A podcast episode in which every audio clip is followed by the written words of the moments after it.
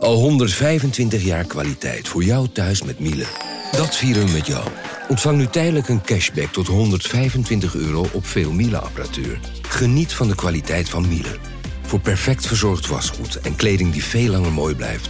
Voor een stralend schone vaat, even perfect als jouw diners. En een stofvrij thuis waarin echt hygiënisch schoon de standaard is. Check miele.nl voor alle feestelijke aanbiedingen. Hey podcastluisteraar. Ook op zoek naar een relevante invulling van je schaarse luisteruren? Tune dan in op de podcastserie ESG, even samengevat van BNP Paribas. Wij, Marloes en Aldert, spreken daar duurzame voorlopers en wereldverbeteraars. Waarover dan? Nou, bijvoorbeeld of we ooit duurzaam kunnen gaan vliegen. En waarom koeien in de stad nou een goed idee is? Dat en meer elke twee weken in een nieuwe aflevering. Dus abonneer je. ESG, even samengevat.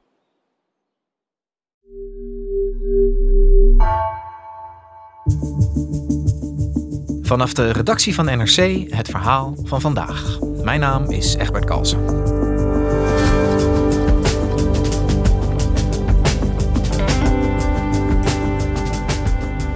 Deze zondag gaan de Fransen naar de stembus om hun president te kiezen.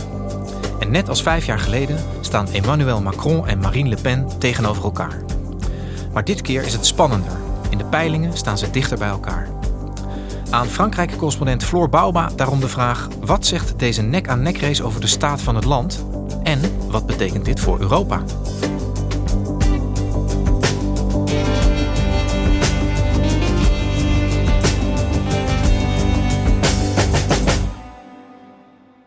Floor, jij bent sinds januari correspondent voor NRC in Frankrijk. En uh, een rustige start is je niet echt gegund, want jij zit direct in een van de meest spannende verkiezingen ooit daar.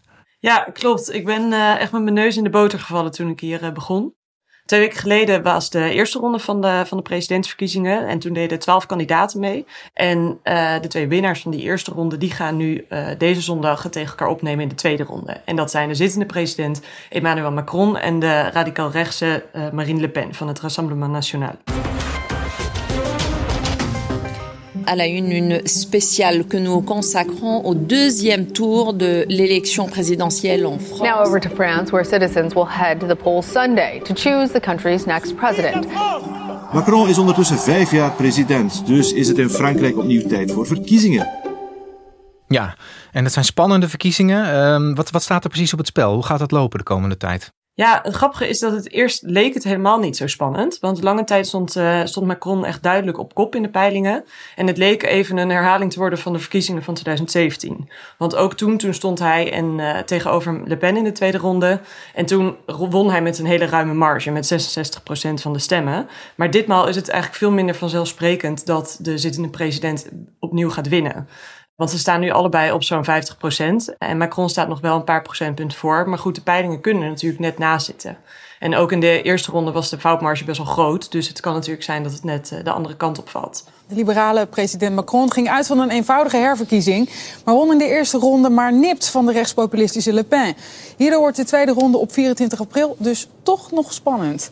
En je ziet dat daardoor de spanning in Frankrijk echt stijgt en dat de, de peilingen met uh, argusogen in de gaten worden gehouden. Maar ook in Europa is er, is er veel aandacht voor de verkiezingen hier. Want een verkiezing van Le Pen zou, zou echt een grote verandering op Europees vlak kunnen betekenen.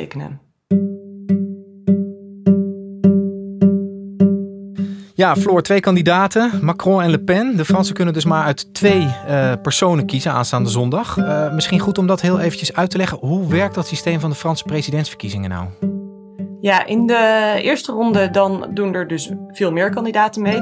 Als er dan een kandidaat is die meer dan 50% van de stemmen haalt, dan heeft hij of zij direct gewonnen. Maar dat gebeurt eigenlijk nooit. Dus er is altijd een tweede ronde tussen de twee winnaars van de eerste ronde. Het idee daarachter is dat het dan democratischer is, omdat dan ook de stemmers van alle verliezende uh, kandidaten nog een keer hun keuze kunnen uitdrukken.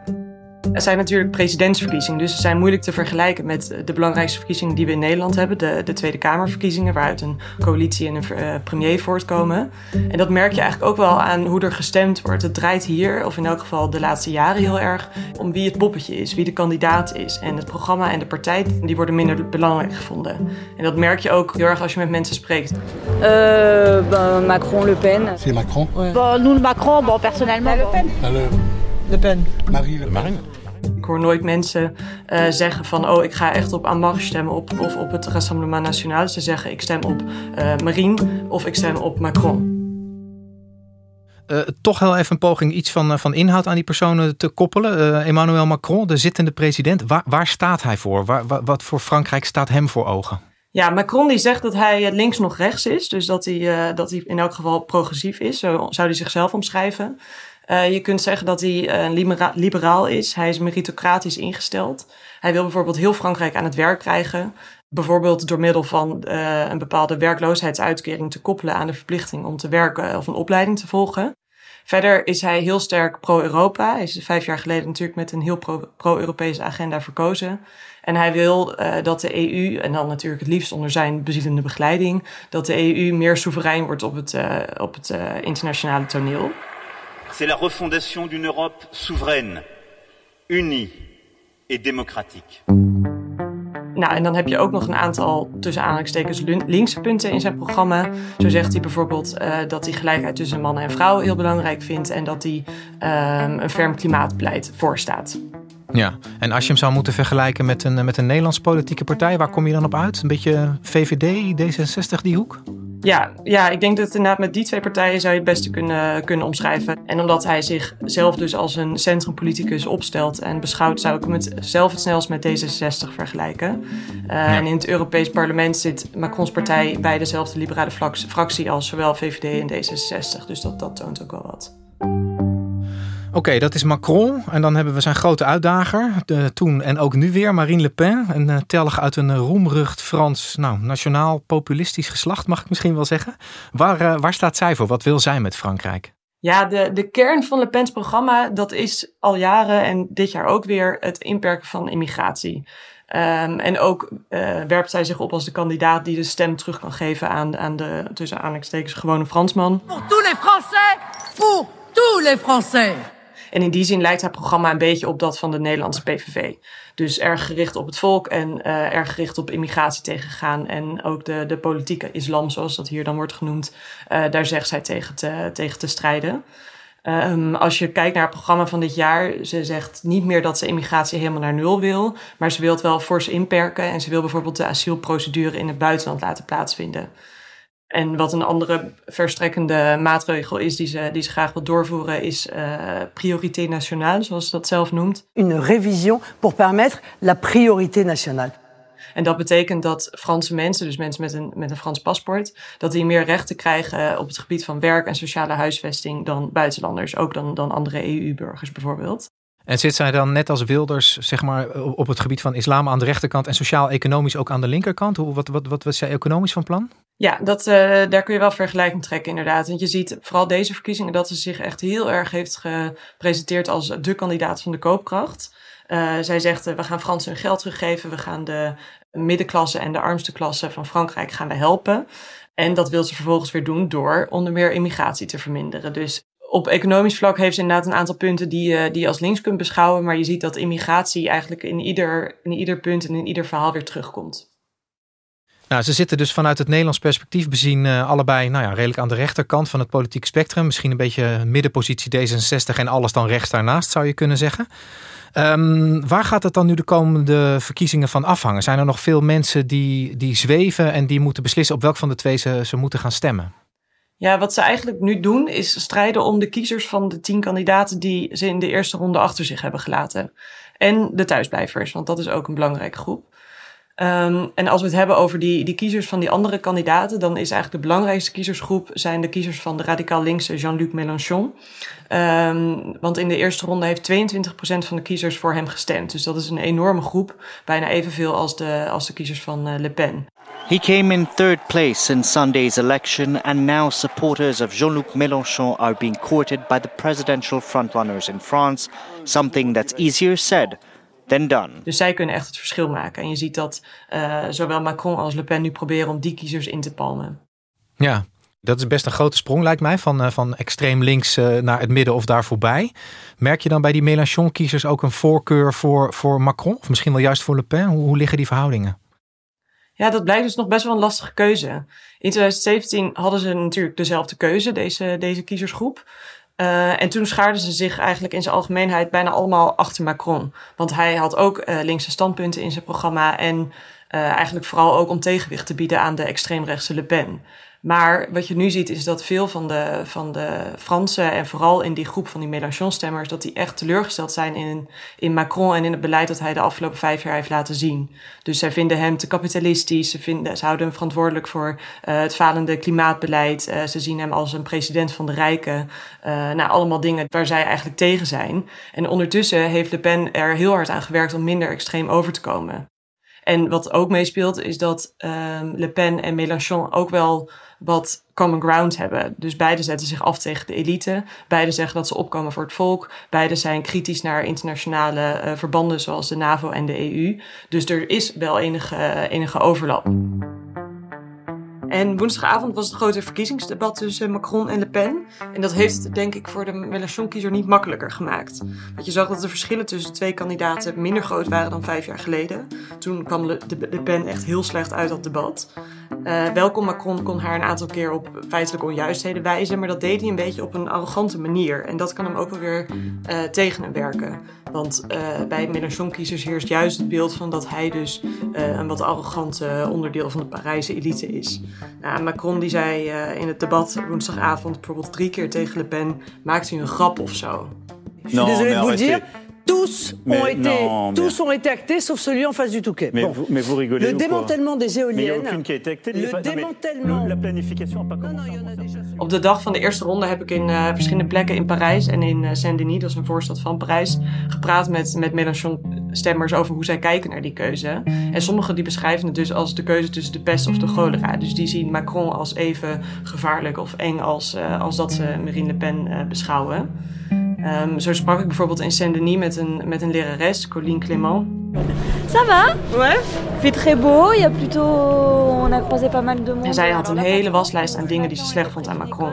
Zij zei uh, zijn beleid op het gebied van onderwijs, op het gebied van de zorg, uh, met, met de coronapandemie, uh, vond ze vreselijk. L'école, c'est une catastrophe. Uh, en ook de, de best wel extreme politie-inzet die we hebben gezien bij demonstraties de afgelopen jaren, die stoot haar heel erg tegen de borst. Maar ze zei over Le Pen zijn ze ook dat ze, dat ze echt bang zou worden van het idee dat zij president kon zijn. Ze zei, aan haar vind ik alles, alles, alles vreselijk. Tout. tout, tout, tout, que ça soit elle, que ça soit derrière tout l'historique de Maar het zou haar ook pijn doen om op Macron te moeten stemmen. Dus zij overwoog thuis te blijven, uh, blanco te stemmen, of toch wel met de wasknijper op de neus voor, voor Macron te gaan. Républicain.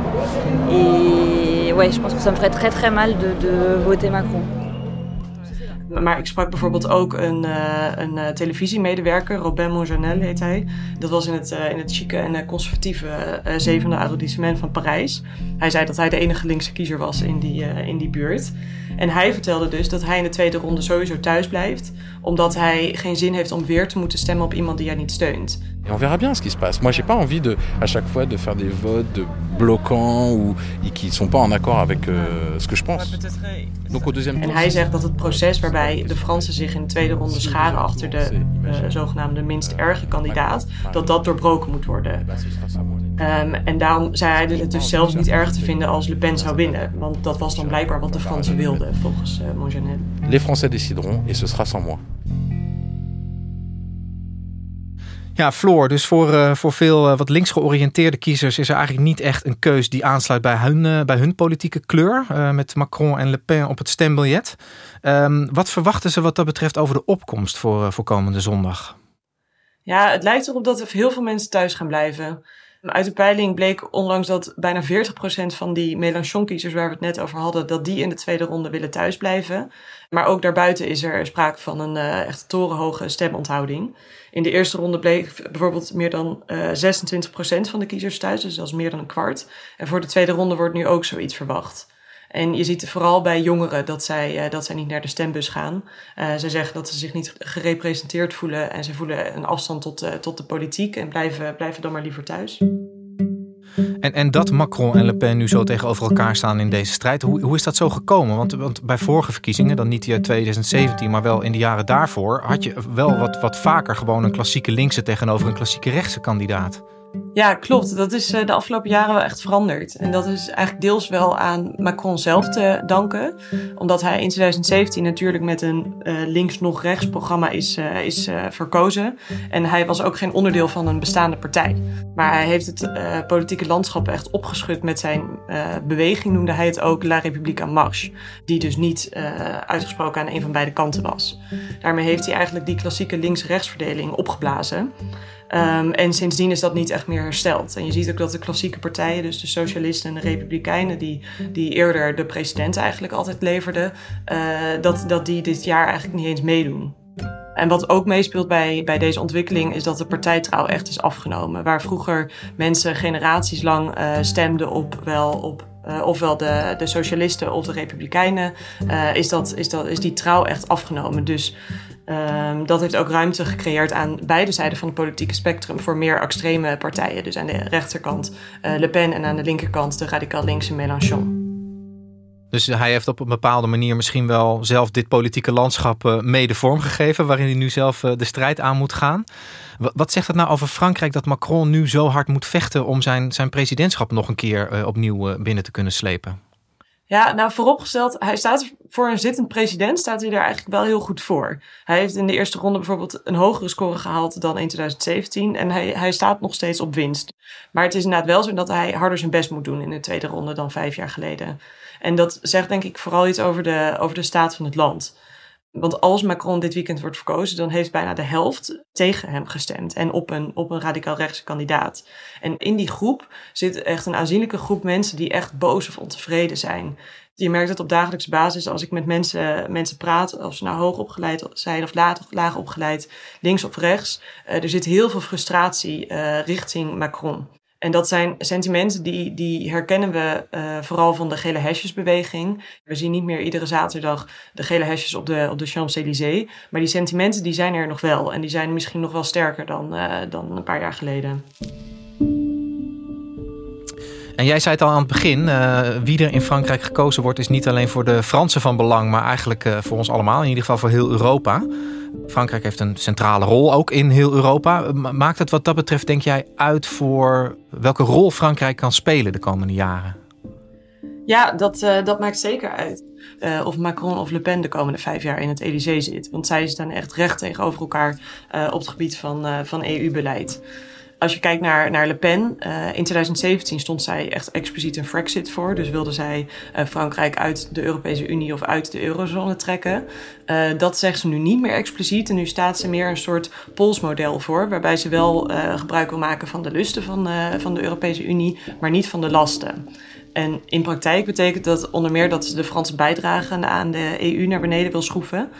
Um, en ze wil ook het Franse recht boven het Europese recht plaatsen. Nou, deze ideeën zijn zodanig in strijd met de huidige Europese wetgeving uh, dat sommige mensen ook wel zeggen van uiteindelijk betekent dit in praktijk dat alsnog Frankrijk de Europese Unie zou moeten verlaten.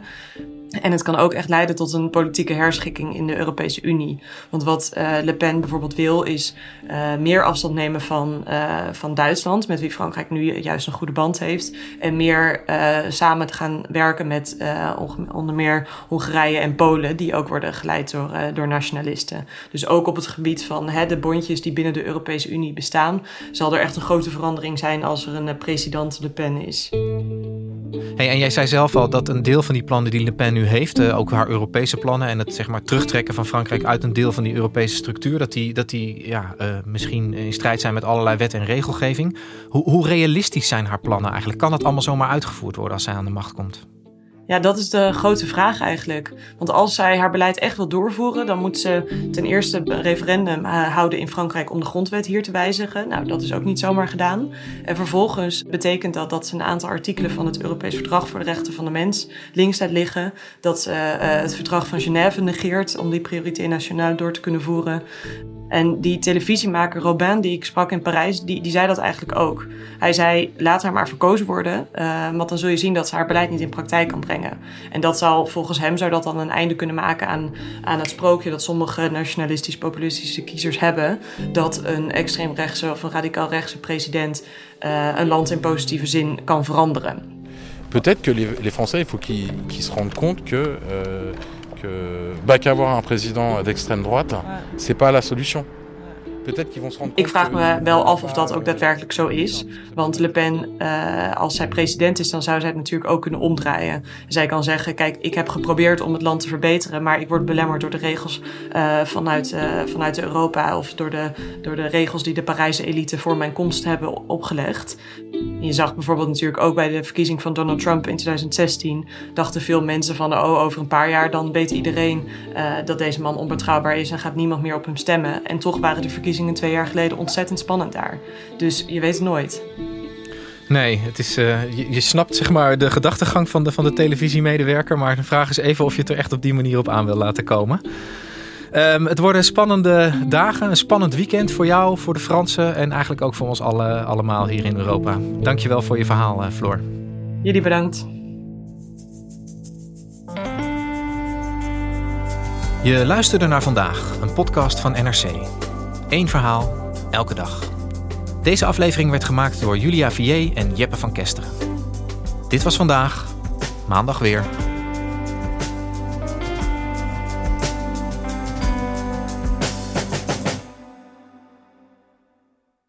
Technologie lijkt tegenwoordig het antwoord op iedere uitdaging. Bij PwC zien we dit anders. Als we de potentie van technologie willen benutten, kunnen we niet zonder een menselijk perspectief. Human-led, tech-powered noemen we dat. Ga naar pwc.nl.